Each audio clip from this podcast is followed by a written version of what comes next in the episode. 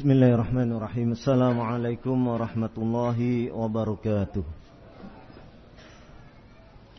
إن الحمد لله نحمده ونستعينه ونستغفره ونعوذ بالله من شرور أنفسنا ومن سيئات أعمالنا من يهده الله فلا مضل له ومن يدلل فلا هادي له أشهد أن لا إله إلا الله وحده لا شريك له وأشهد أن محمدا عبده ورسوله.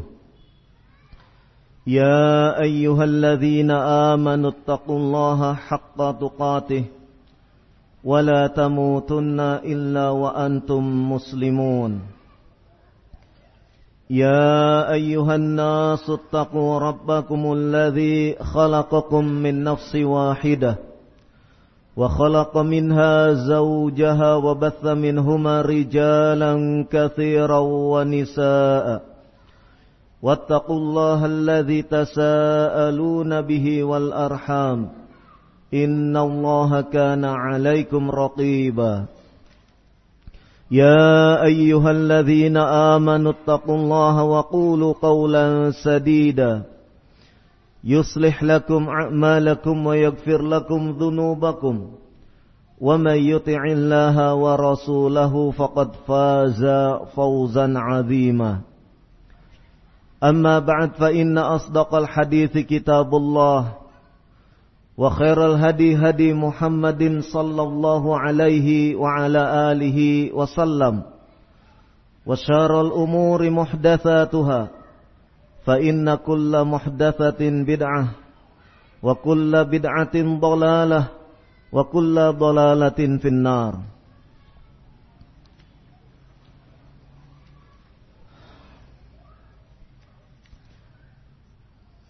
الدعوة ilallah taala berdakwah mengajak menyeru segenap manusia ke jalan Allah Subhanahu wa taala merupakan ibadah yang agung.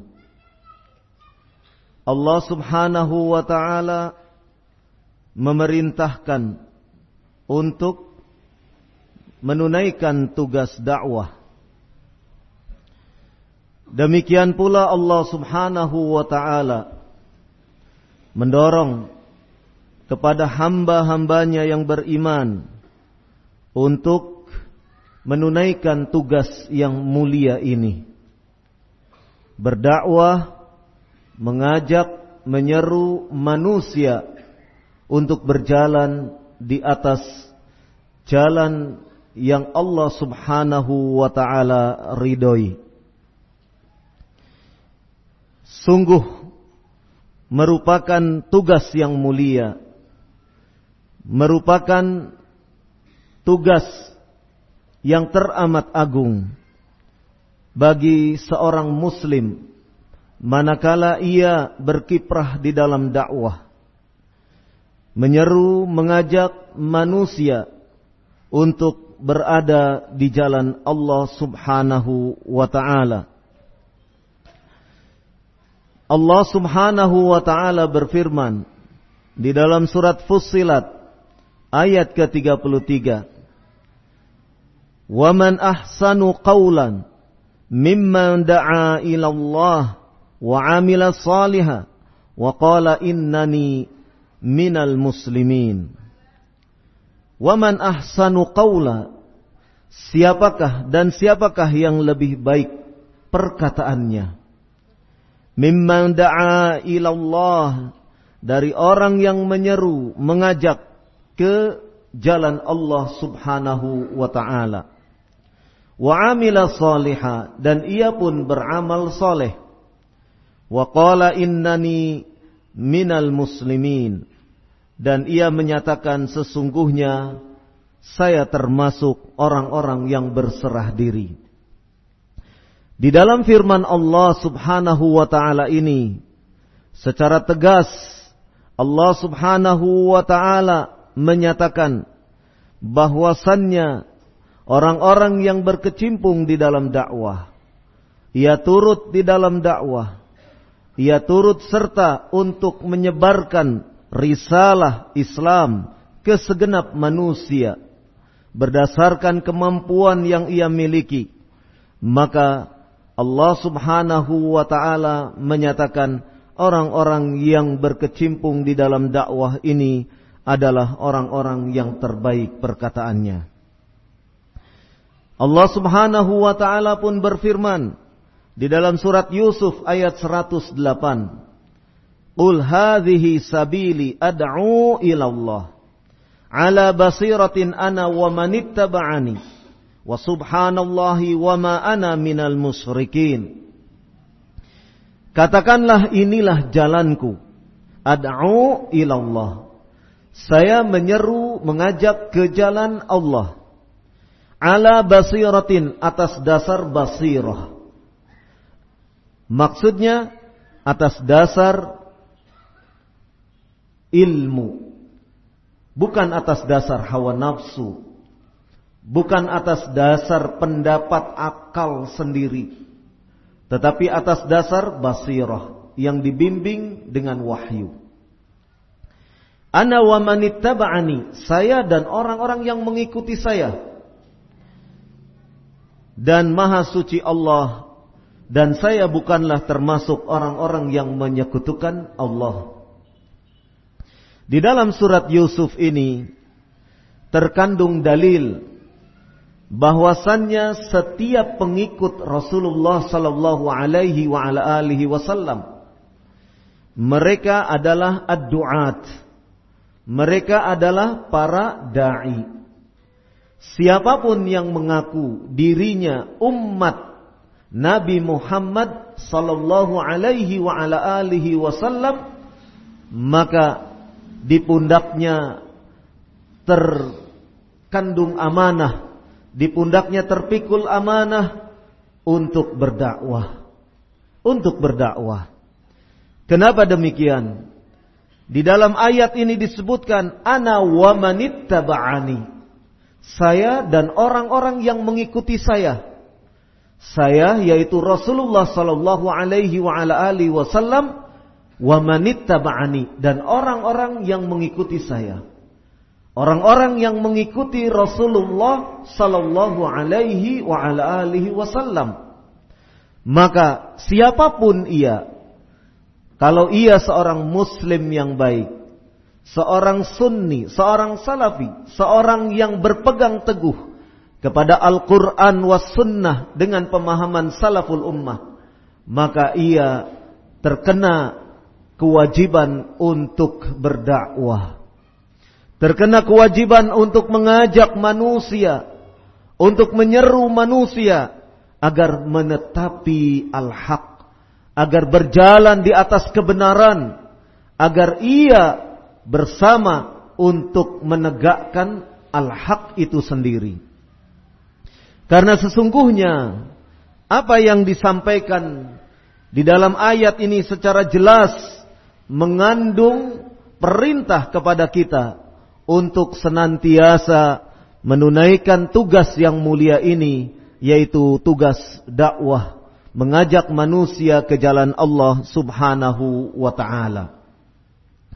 Kemudian di dalam surat Ali Imran ayat 104 Allah Subhanahu wa taala berfirman, "Wal takum minkum ummatun yad'una ilal khairi wa ya'muruna bil ma'ruf wa yanhauna 'anil munkar wa ulaika humul muflihun." Dan hendaklah ada dari kalian sekumpulan orang yaitu satu umat. Yang umat tersebut tugasnya yad'una ilal khair. Menyeru kepada kebaikan. Mengajak kepada kebaikan. Wa ya'muruna bil ma'ruf dan memerintahkan untuk menunaikan sesuatu yang ma'ruf sesuatu yang baik wa yanhauna 'anil munkar demikian pula tugas umat tersebut mencegah agar orang-orang tidak mengerjakan kemungkaran. Ulaika humul muflihun. Mereka itulah orang-orang yang mendapatkan kemenangan. Di dalam ayat ini Allah Subhanahu wa taala menyebutkan bahwasannya hendaknya ada satu umat yang bergerak untuk menunaikan tugas yang mulia ini, berdakwah, menyampaikan risalah sebagaimana yang telah dituntunkan oleh Rasulullah sallallahu alaihi wa ala alihi wasallam. Demikian pula di dalam surat An-Nahl ayat 125 Allah Subhanahu wa taala berfirman, "Ud'u ila sabili rabbika bil hikmati wal mau'izatil hasanah." Al-ayah. Serulah oleh engkau ke jalan Rabbmu. Serulah oleh engkau segenap manusia ke jalan Rabbmu. Ke jalan Allah subhanahu wa ta'ala bil hikmati dengan cara yang hikmah, dengan cara yang bijak, sesuai dengan tuntunan Al-Quran was sunnah, sesuai dengan pemahaman salaful ummah. Wal mau'izatil hasanah dan dengan nasihat yang baik. Inilah dakwah. Tugas kita, tugas semuanya. Dari ayat-ayat tersebut kita akan dapati bahwasannya sedemikian banyak Allah Subhanahu wa taala memerintahkan kepada kita untuk bergerak di dalam dakwah.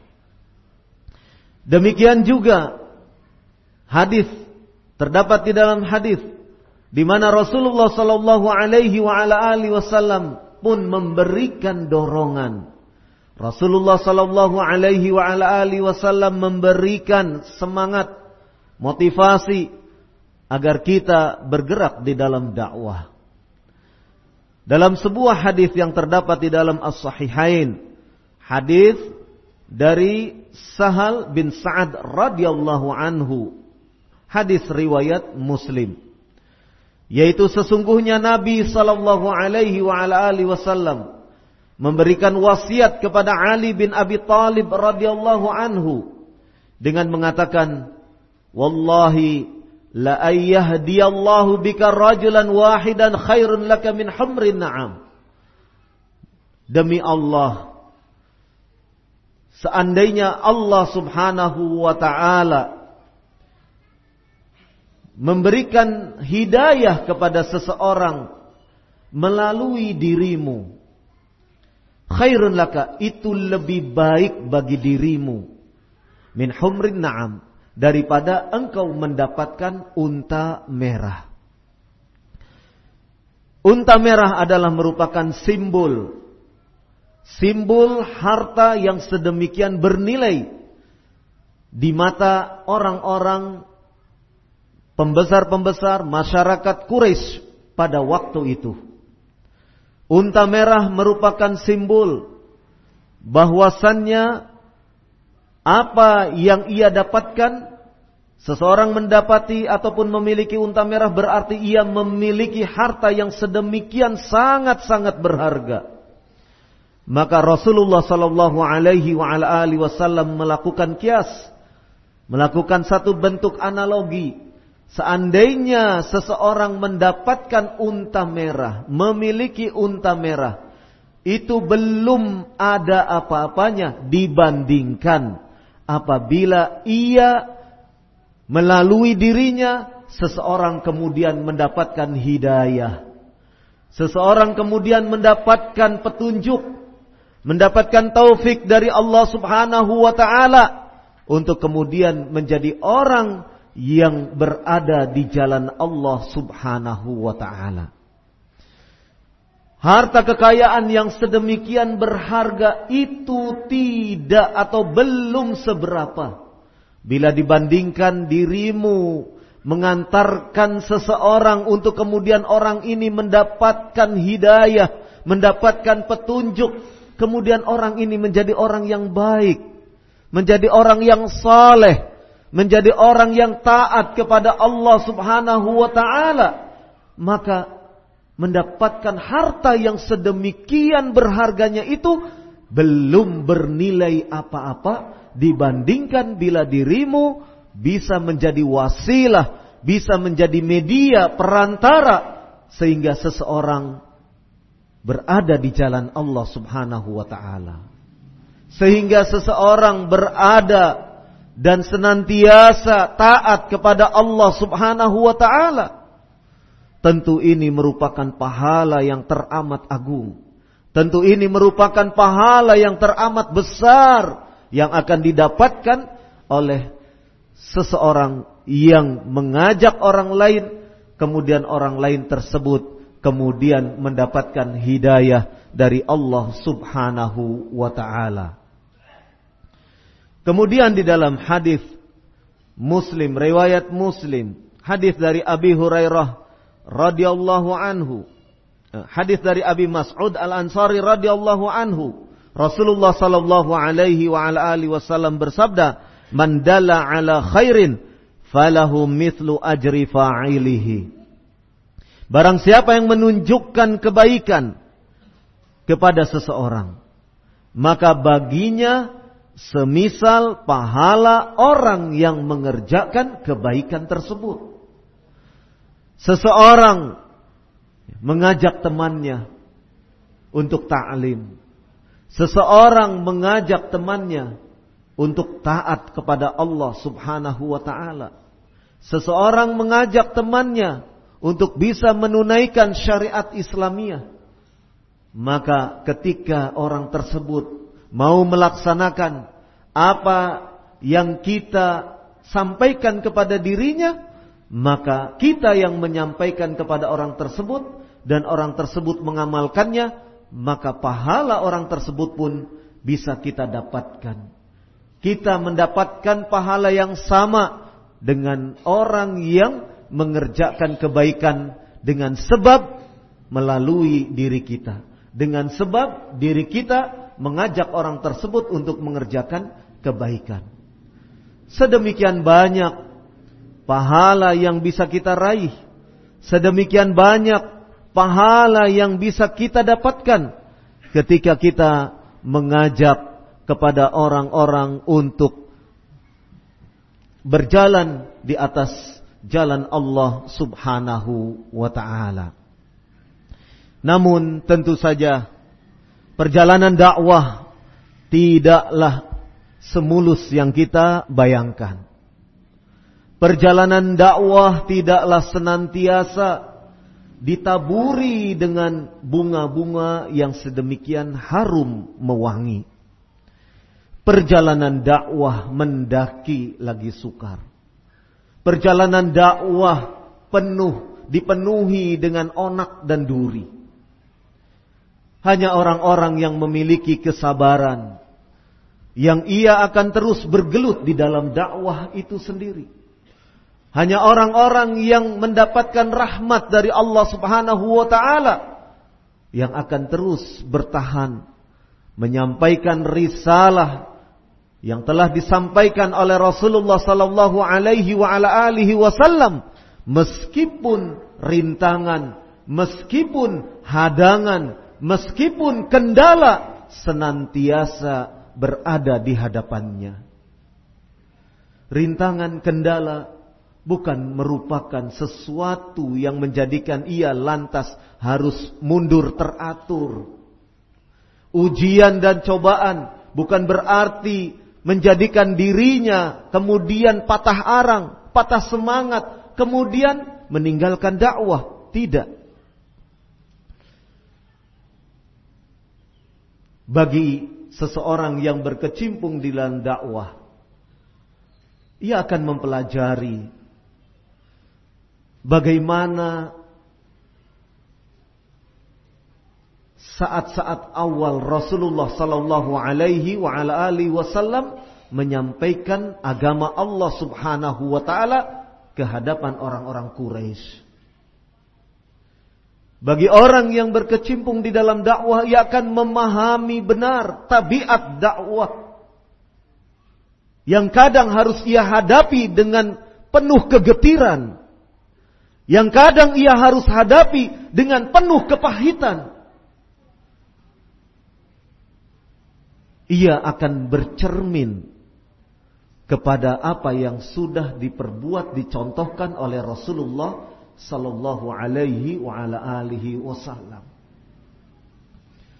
Tengoklah bagaimana Rasulullah sallallahu alaihi wa ala alihi wasallam saat beliau belum menyampaikan dakwah kepada orang-orang musyrikin Quraisy di kota Makkah. Orang-orang musyrikin Quraisy sedemikian percaya Bahkan Rasulullah sallallahu alaihi wasallam mendapatkan laqab, mendapatkan gelar Al-Amin. Orang-orang Quraisy yang memberikan gelar itu sebagai orang yang terpercaya, orang yang amanah. Mereka orang-orang musyrikin Quraisy memberikan gelar. Namun ketika Rasulullah sallallahu alaihi wa ala alihi wasallam menyampaikan kalimat tauhid. Menyampaikan bahwasannya yang harus disembah, yang berhak untuk diibadahi hanyalah Allah Subhanahu wa taala. Adapun selain itu harus dinafikan. Maka kemudian orang-orang yang dulunya sedemikian simpati, orang-orang yang dulunya sedemikian menaruh hormat kepada diri Rasulullah sallallahu alaihi wa ala alihi wasallam kemudian ia memusuhi tak sekadar memusuhi mereka pun melakukan rencana untuk membunuh Rasulullah sallallahu alaihi wa alihi wasallam bahkan di antara mereka ada karib kerabat dari keluarga Rasulullah sallallahu alaihi wa alihi wasallam. Namun semua kendala itu, semua rintangan tersebut tidak lantas kemudian menjadikan Rasul sallallahu alaihi wa alihi wasallam kemudian menghentikan dakwahnya. dakwah terus berlanjut. Walaupun beliau disakiti. Rasulullah sallallahu alaihi wa ala alihi wasallam berdakwah ke negeri Taif. Mengajak masyarakat Taif untuk tidak menyekutukan Allah Subhanahu wa taala. Mengajak masyarakat Taif untuk senantiasa bertauhid, mengesahkan Allah Subhanahu wa taala, menyembah, beribadah hanya kepada Allah Subhanahu wa taala.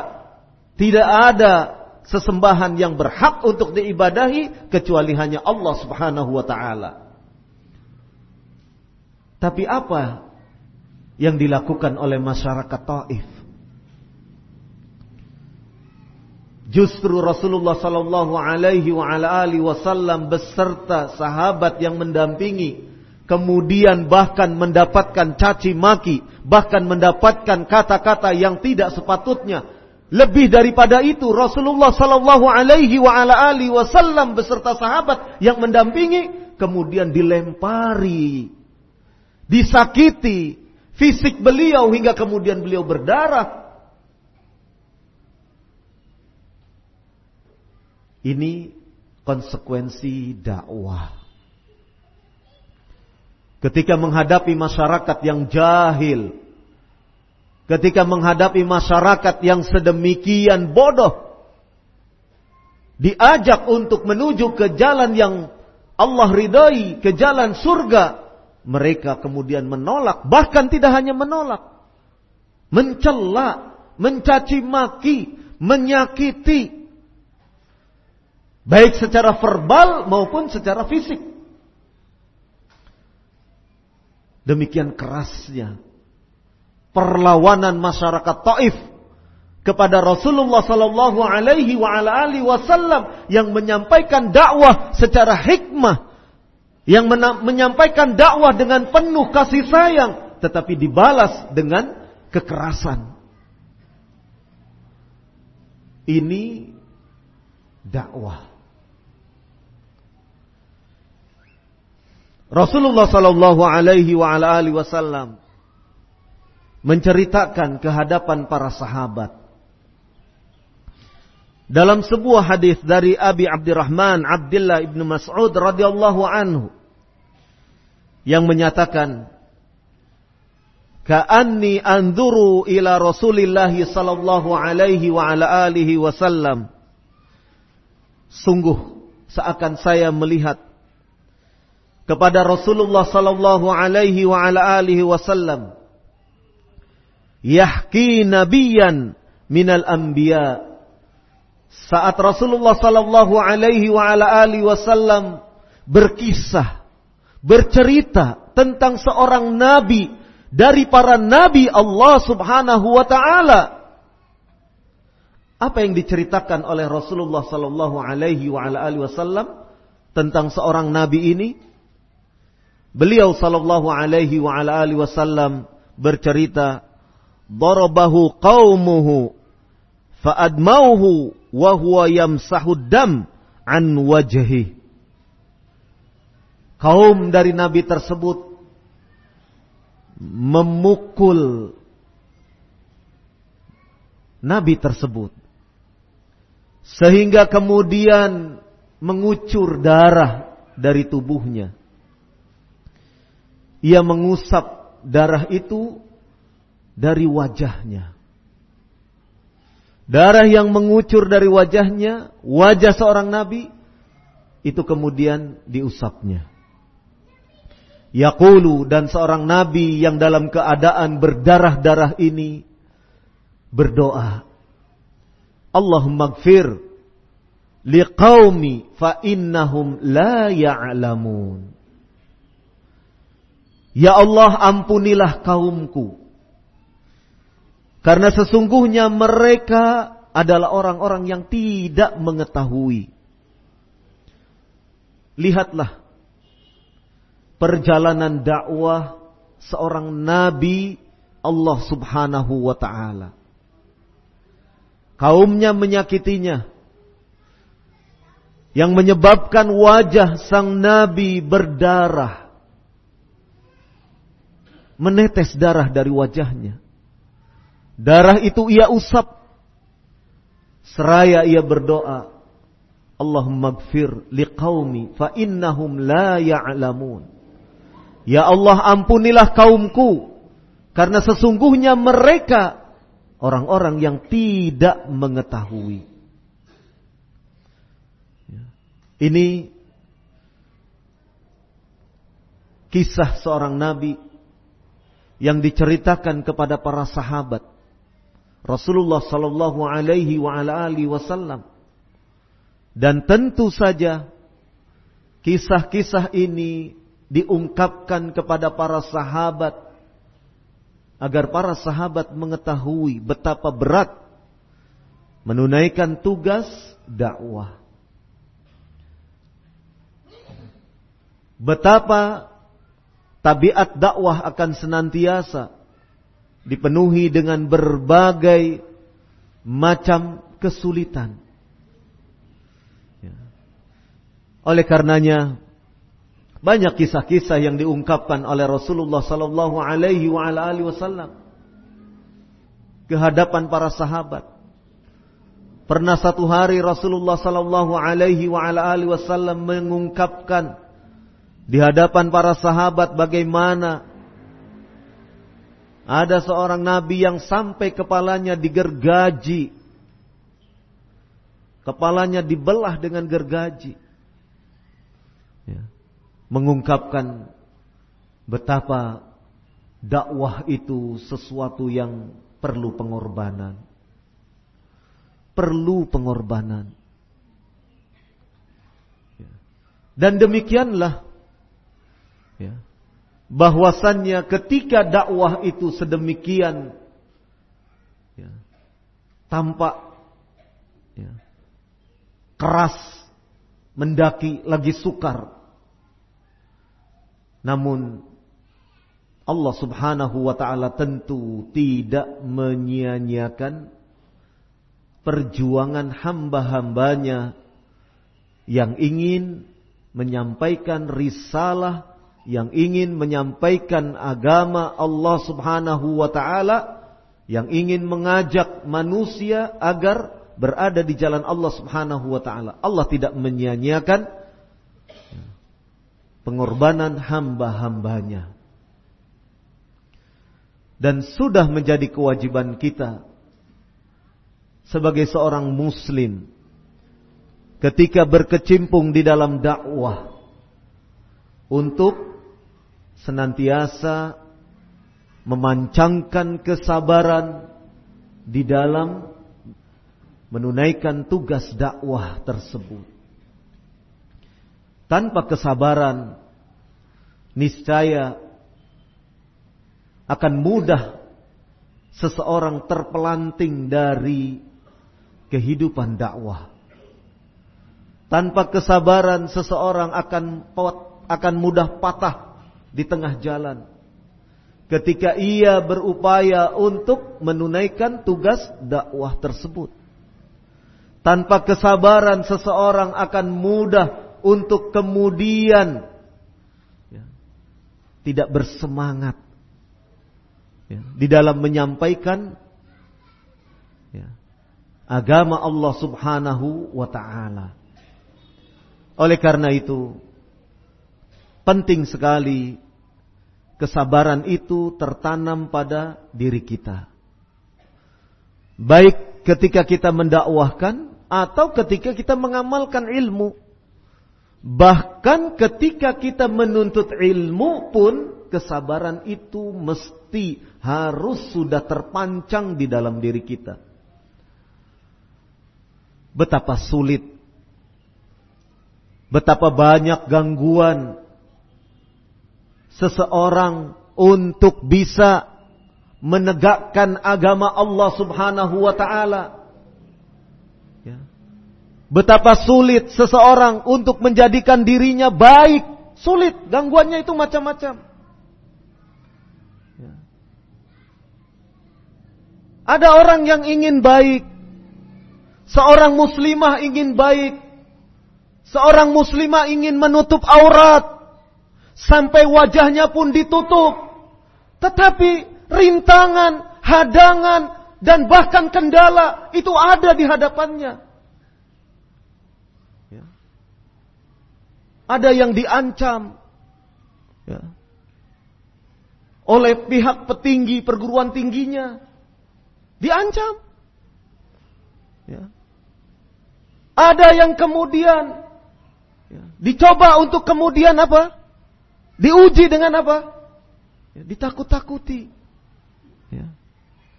Dan sekian banyak ya, suara-suara sumbang untuk kemudian ya,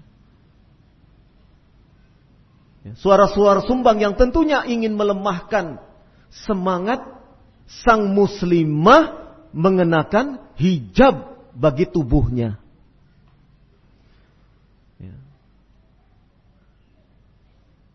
Baru untuk mendakwahi dirinya sendiri. Ya. Dirinya sendiri ingin baik. Dirinya sendiri ingin menjadi muslimah yang baik. Ternyata aral merintang sudah ada di hadapannya. Aral melintang sudah ada di hadapannya. Dalam bentuk peraturan-peraturan. Ya. Ini ketika dirinya ingin baik. Ya. Sementara yang mendedahkan aurat, sementara yang hura-hura, sementara yang berbuat, bahkan yang LGBT diberi kebebasan, bahkan diberi dana. Ya. Pernah ada di sebuah kampus perguruan tinggi yang menggunakan label Islam di kota ini. Buletin resmi fakultas. Buletin resmi fakultas yang dikelola oleh mahasiswanya. Ya. Ya. Mengangkat tulisan pembelaan terhadap pernikahan satu jenis kelamin. Bayangkan. Kalau buletin resmi ini berarti dananya dari dari mana? Dari perguruan tinggi kan?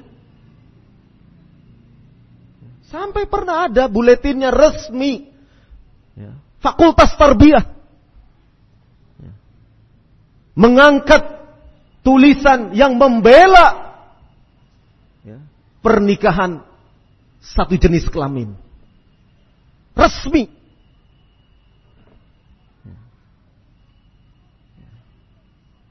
Makanya kalau Pak Ketua MPR mengatakan, siapa itu? Pak Zulkifli Hasan. Mengatakan, ya, ya, ya, dengan makna redaksi, ya, harusnya yang dicegah jangan cadar, yang dicegah tuh LGBT. Betul. Ya. Karena memang di antara para pendukung LGBT itu di antaranya ya, ya, para aktivis dan bahkan guru besar, dosen di perguruan tinggi yang mengenakan label Islam tersebut. Ya. Ini kondisi yang ada di tanah air. Meskipun kita yakin pertolongan Allah Subhanahu wa taala akan turun. Sebagaimana dulu tahun 1983, tahun 1984 ketika anak-anak SMA mengenakan jilbab, baru jilbab. Bukan jilbab yang katanya jilbab syar'i yang besar, bukan, baru jilbab yang cuma satu bahu Ya. Satu dua orang anak SMA mengenakan jilbab, ribut. Ya. Tahun 1983, tahun 1984. Ya. Putri-putri anak SMA, muslimah-muslimah yang mereka baru ya, di kelas 1, kelas 2 SMA karena giroh keagamaan yang tumbuh pada mereka. Mereka ingin menutup auratnya. Tapi kemudian pihak sekolah menghalangi. Itu tahun, waktu itu jilbab. Baru baru kerudung saja. Kerudung pakai baju putih, bawahnya abu-abu, terus pakai kaos kaki. Cuma karena pakai kerudung mereka dihalang-halangi. Tahun 1983 1984. Kalau ingat pada waktu itu, rasanya kita pesimis. Jilbab tidak akan berkembang di negara Indonesia. Tapi setelah berlalunya masa, berjalannya masa,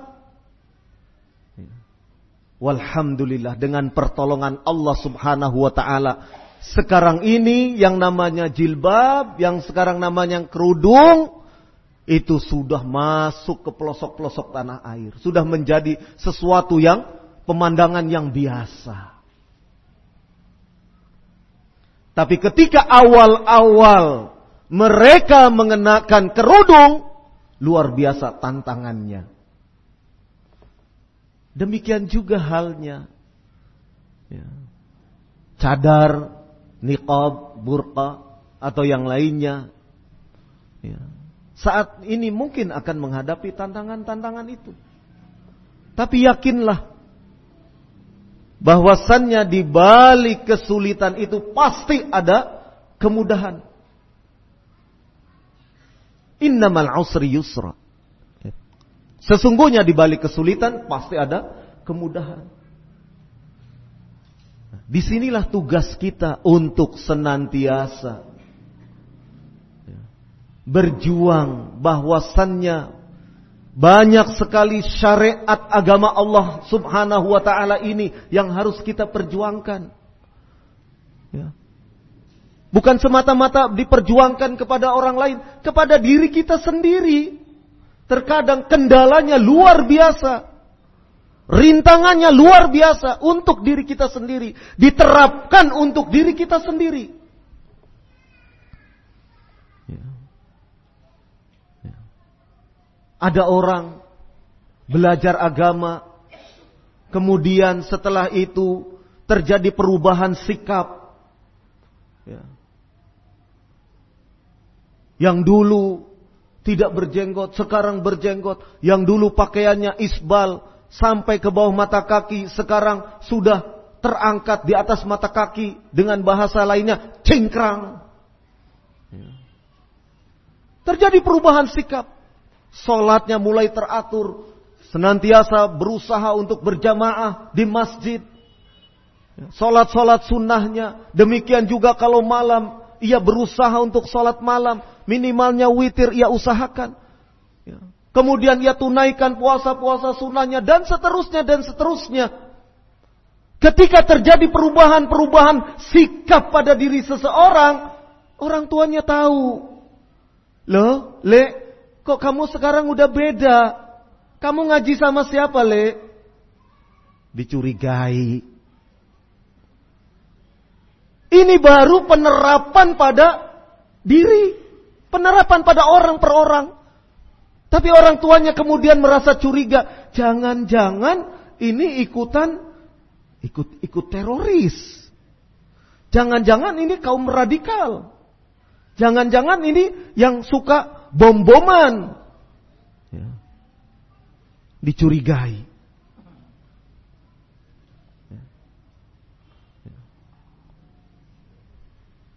Ini kondisi faktual di lapangan. Ketika seseorang ingin menjadikan dirinya baik, ketika seseorang ingin berubah ke arah perbaikan, ke arah yang Allah Subhanahu wa taala ridhoi, ternyata ya, tidak semulus yang ia bayangkan. Jalannya tidak semulus yang ia pikirkan. Terlebih lagi untuk akhwat muslimah akan sangat kentara sekali mencolok yang dulu mungkin kerudungnya kecil-kecil sekarang jadi besar warnanya hitam lagi. Pulang ke kampung halamannya ayah ibunya terkaget-kaget. Kamu setelah setelah belajar di Semarang kok jadi begini? Kok berubah?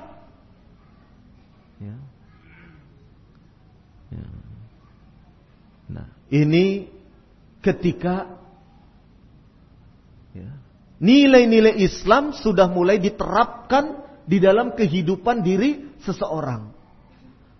Pasti akan timbul ya, sesuatu yang ya, ya, terjadi perbedaan-perbedaan di situ.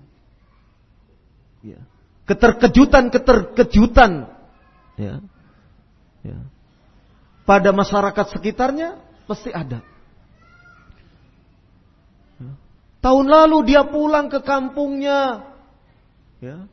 Dia aktif di masjid. Ikut perayaan ini, ikut perayaan itu. Sekarang setelah kerudungnya begitu, dia nggak mau. Nah mulai. Ya. Perubahan sikapnya itu mulai di mulai diselidiki. Kenapa bisa berubah begini?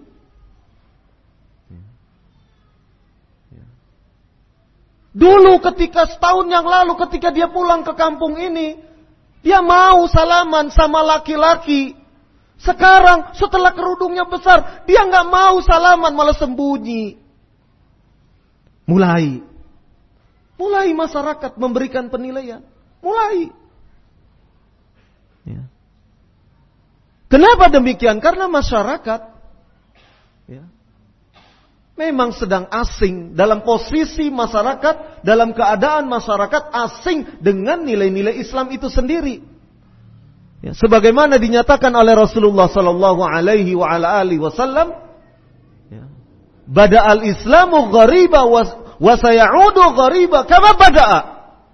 Fatubali lil ghuraba.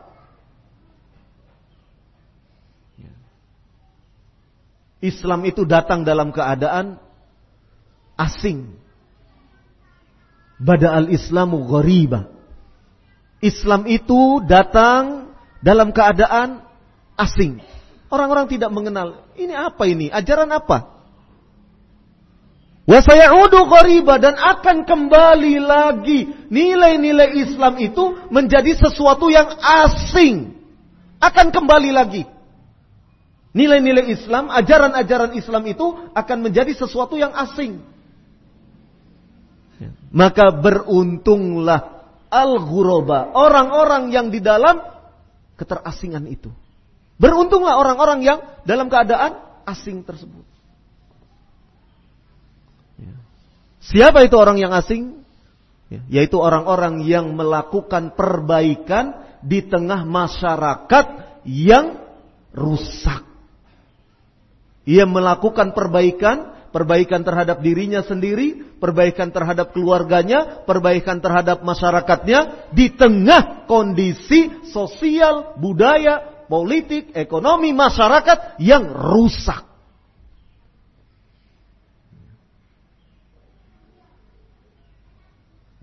Ini dakwah.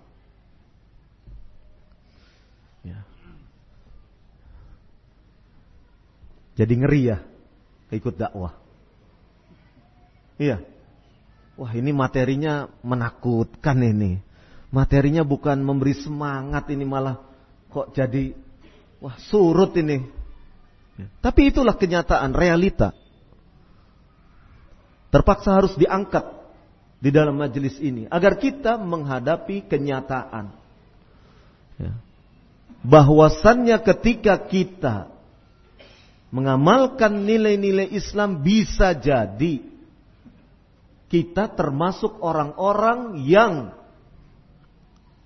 disikapi baik oleh keluarga, disikapi oleh masyarakat, disikap, disikapi oleh orang-orang sekitar kita.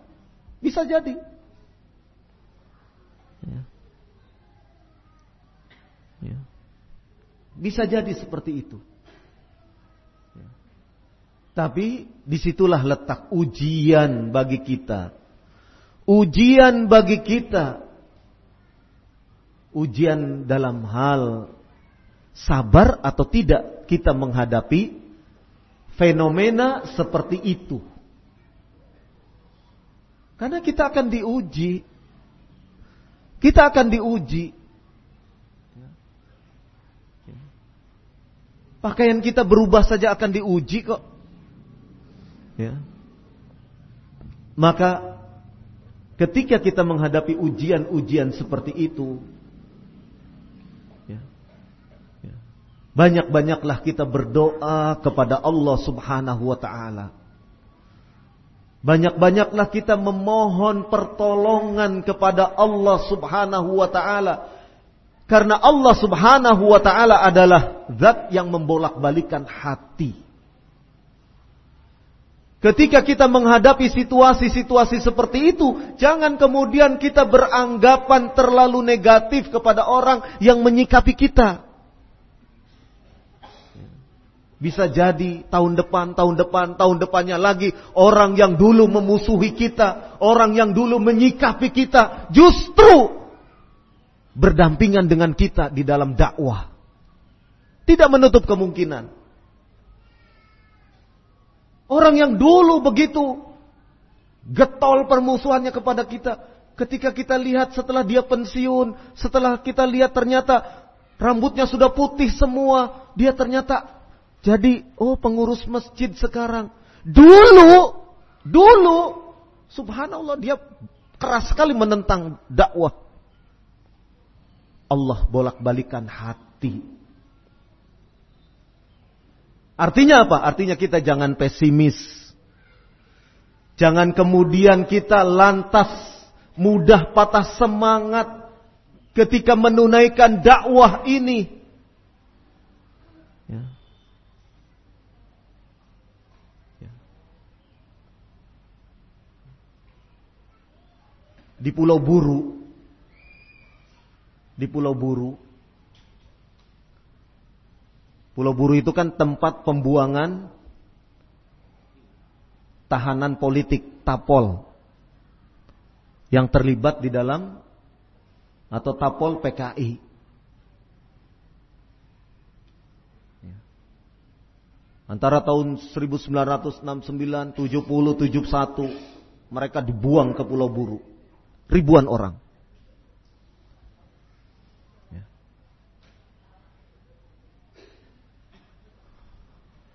Ternyata ketika kita kunjungi satu satu satu ex mantan tapol PKI ini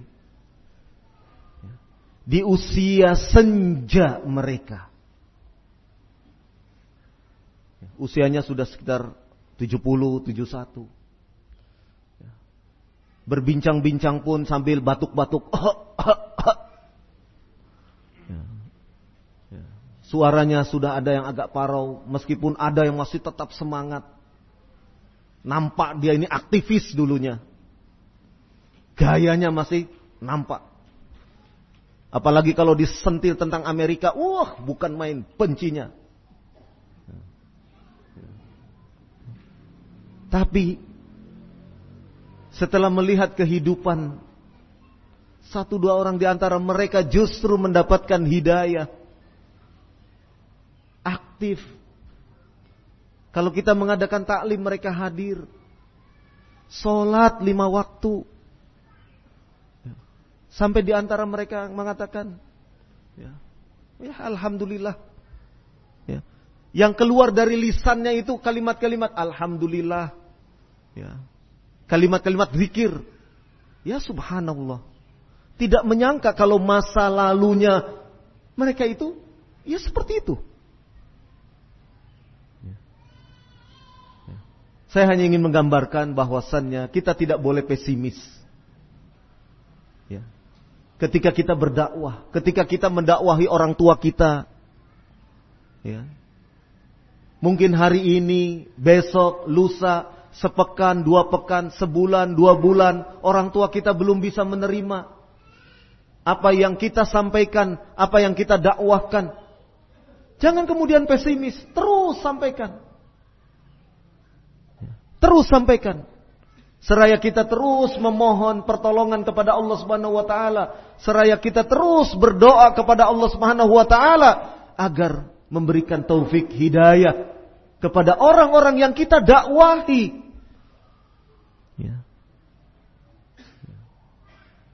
Kadang kita kan mudah putus asa. Ya. Didakwahi satu kali, dua kali, tiga kali, lantas kemudian kita katakan tidak mau menerima.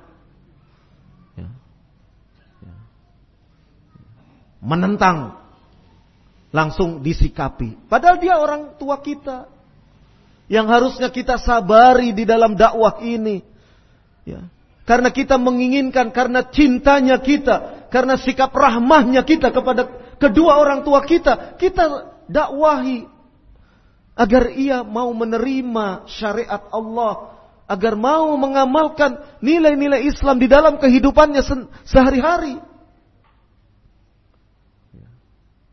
Kita berupaya. Ya. Tidak lantas kemudian kita putus asa. Baru satu dua kali berdakwah. Lantas kita simpulkan sudah tidak mau menerima. Tidak mau dinasehati. Belum tentu. Ya. Lihat proses. Ya. Umur 71 tahun baru menerima hidayah. Prosesnya sedemikian lama. Jangan berputus asa. Sabari dakwah ini. Sabari. Tunaikan terus dengan penuh kesabaran, kesabaran.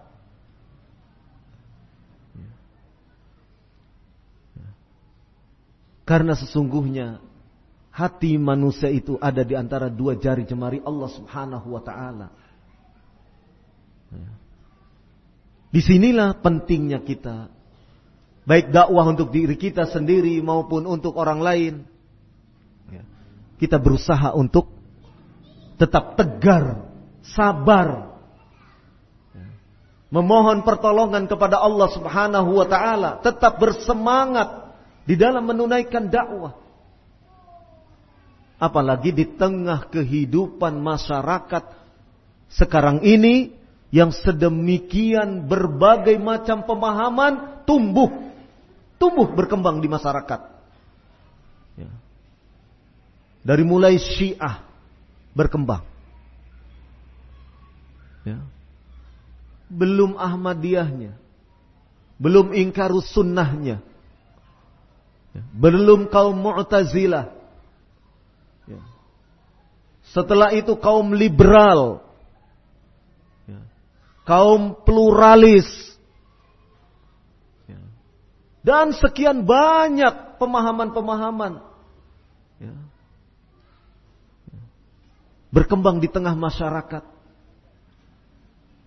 Belum yang khawarij, teroris, mereka pun melakukan rekrutmen-rekrutmen. Tiada hentinya mereka melakukan rekrutmen. Terutama anak-anak muda. Para mahasiswa, anak-anak SMA. Terus mereka grogoti. Mereka bina. Yang setelah itu mereka binasa dengan bomnya. Terus demikian. Ini kondisi. Kondisi faktual di lapangan. Di tengah kehidupan masyarakat kita. Untuk menangkal itu. Perlu semangat kita, ta'awun kita, kerjasama kita, tolong menolong kita. Ya. Coba tanya ke bapak-bapak polisi itu. Tanyalah, kalau ketemu Pak Kapolri, bila perlu ketemu Pak Tito, tanyakan kepada Pak Tito. Ya. Ya. Yang namanya teroris, ya. radikalis itu seperti apa? Pasti akan digambarkannya ya. link-linknya kepada Al-Qaeda, kepada ISIS. Kan begitu. Sekarang itu kan begitu. Kalau kita berbicara terorisme, maka image, persepsi kita kepada apa? ISIS, Al-Qaeda. Begitu kan? Lihat spanduk-spanduk itu. Kami tolak ISIS. Begitu kan? Tapi ketika ditanya apa itu ISIS, tidak paham. Apa itu ISIS? Apa itu Al-Qaeda? Al-Qaeda yang katanya ya, kata Hillary Clinton, dulu dibuat, dibesarkan oleh Amerika. Al-Qaeda. Ya. Kini setelah besar, dia sekarang bergerak sendiri. Itu identik. Al-Qaeda, ISIS, kalau kita berbicara terorisme, maka yang ada di benak kaum muslimin, Al-Qaeda, ISIS. Atau jamaah Islamiyah Yang di Indonesia diwakili oleh sosok ya, seperti Abu Bakar Ba'asyir. Itu saja gambaran. Ya. Seakan-akan terorisme itu yaitu mereka. Padahal ada ya, orang yang menyebarkan terorisme yang selama ini tidak pernah terdeteksi dan tidak pernah diawasi. Siapa mereka? Gerakan terorisme ini justru didukung oleh negara. Oleh negara. Perlu instruktur pelatih militer didatangkan oleh negara tersebut. Perlu peralatan persenjataan yang canggih didatangkan oleh negara tersebut. Ini yang menjadi sumber terorisme negara.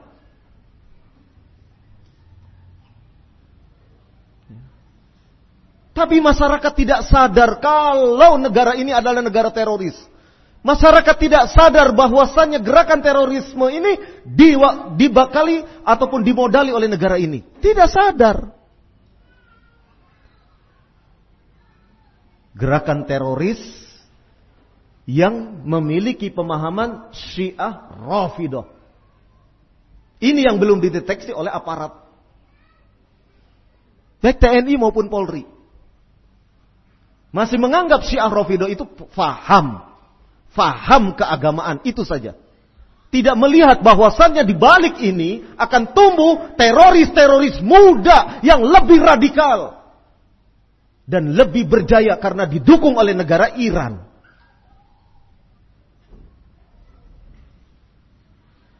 Ingin bukti? Lihat ke negeri Yaman. Dulu Syiah Rafidah di negeri Yaman kecil. Hanya sebuah kelompok organisasi pemuda yang bernama Syababul Mu'min. Asyikh Mukbil bin Hadi Al-Wadi'i rahimahullah telah memperingatkan, telah mengingatkan pemerintah, jangan dibiarkan ini pemuda ini punya organisasi, jangan dibiarkan. Tapi rupanya peringatan hanya peringatan. Waktu itu tidak diperhatikan. Sehingga kemudian organisasi pemuda ini berkembang. Merekrut anak-anak muda. Anak-anak mudanya kemudian disekolahkan ke Iran. Kembali ke Yaman. Menjadi anak-anak muda yang sedemikian fanatik kepada Syiah Rafidah. Berkembang, berkembang sehingga kemudian membentuk partai politik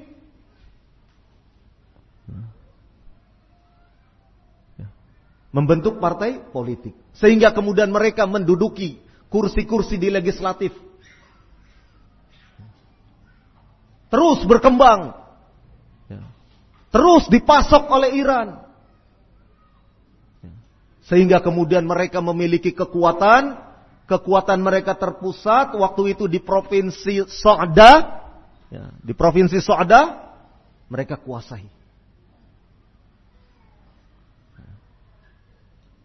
Dan akhirnya mereka melakukan penggulingan kekuasaan. Berusaha untuk menggulingkan kekuasaan.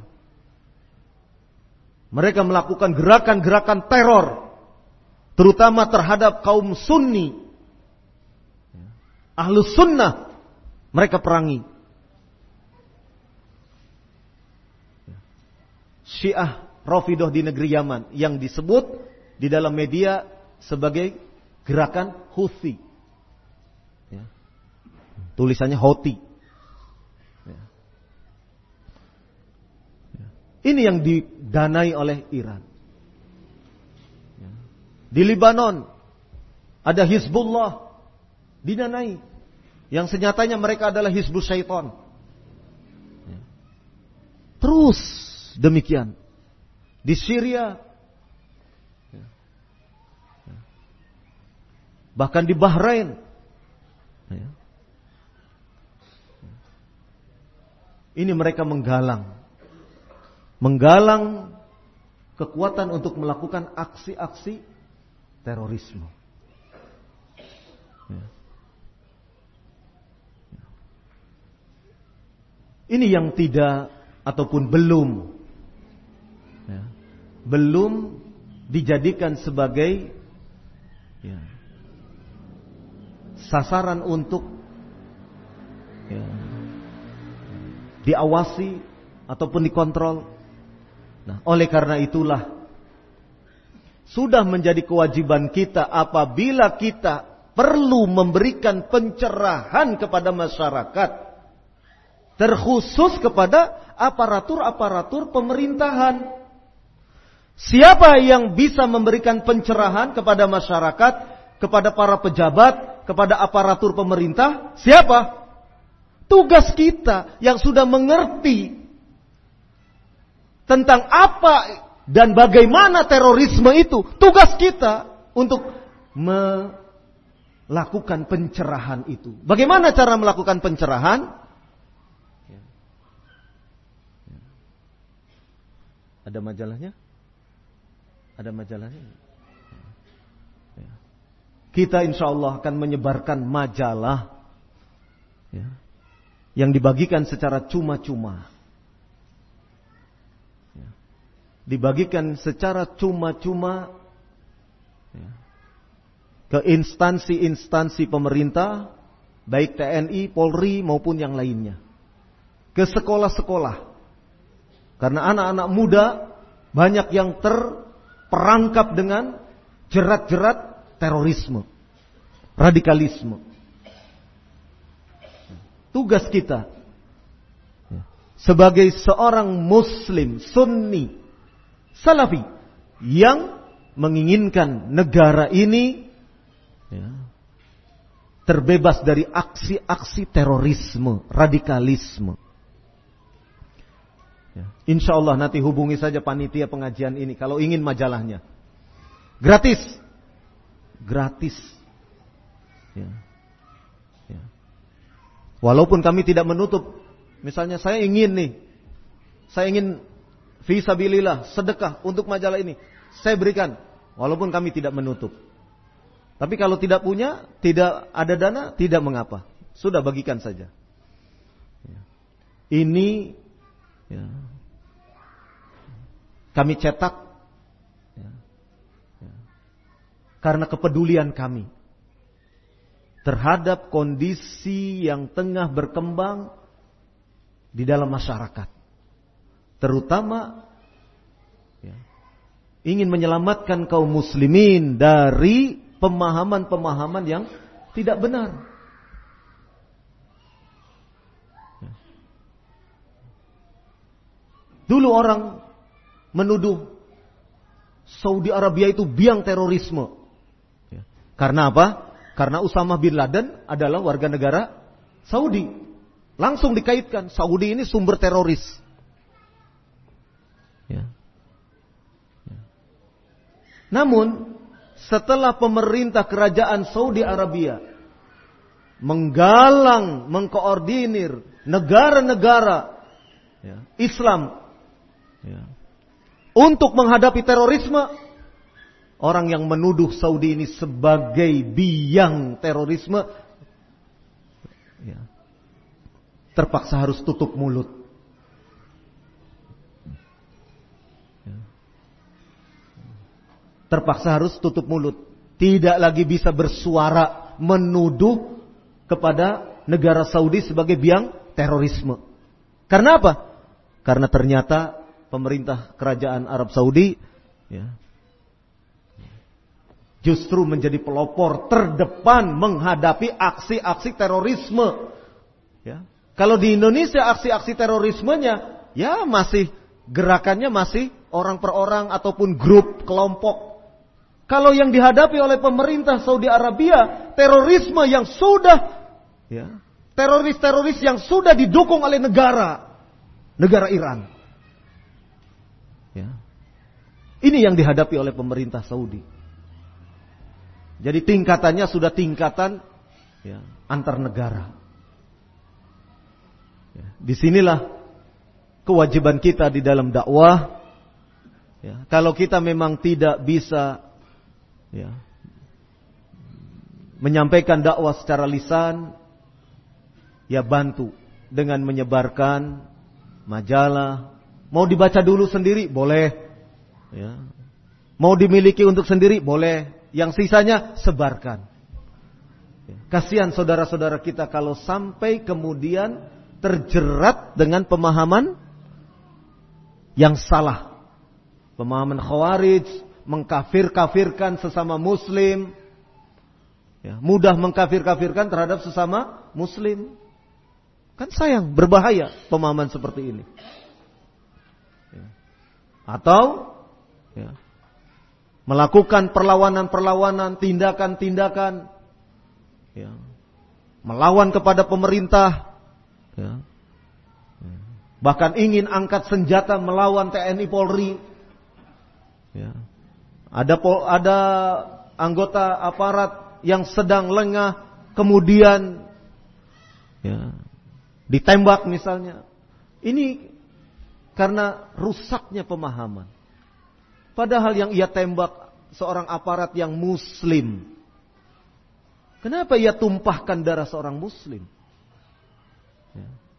Kenapa ia halalkan darah seorang muslim?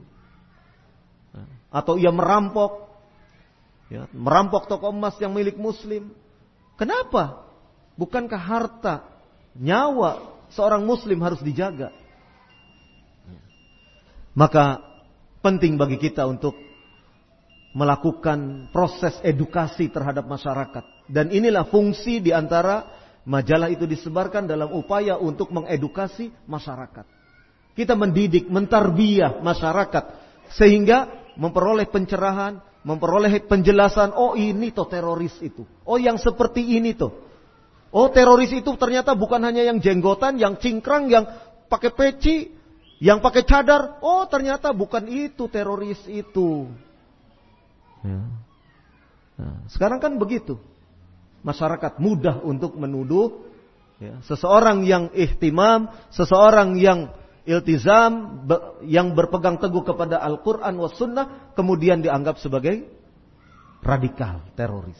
Nah, ini kesalahan-kesalahan yang harus diluruskan dan semua itu insya Allah ya, dengan memahami apa dan bagaimana terorisme, mudah-mudahan masyarakat tidak salah untuk menilai.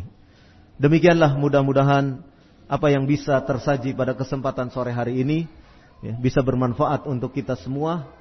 Ya, apabila ada hal-hal yang kurang berkenan, tutur kata yang kurang santun, saya mohon maaf yang sedalam-dalamnya. Subhanakallahumma wa bihamdik asyhadu an la ilaha illa anta astaghfiruka wa atubu ilaik wa sallallahu ala walhamdulillahi rabbil alamin. Assalamualaikum warahmatullahi wabarakatuh.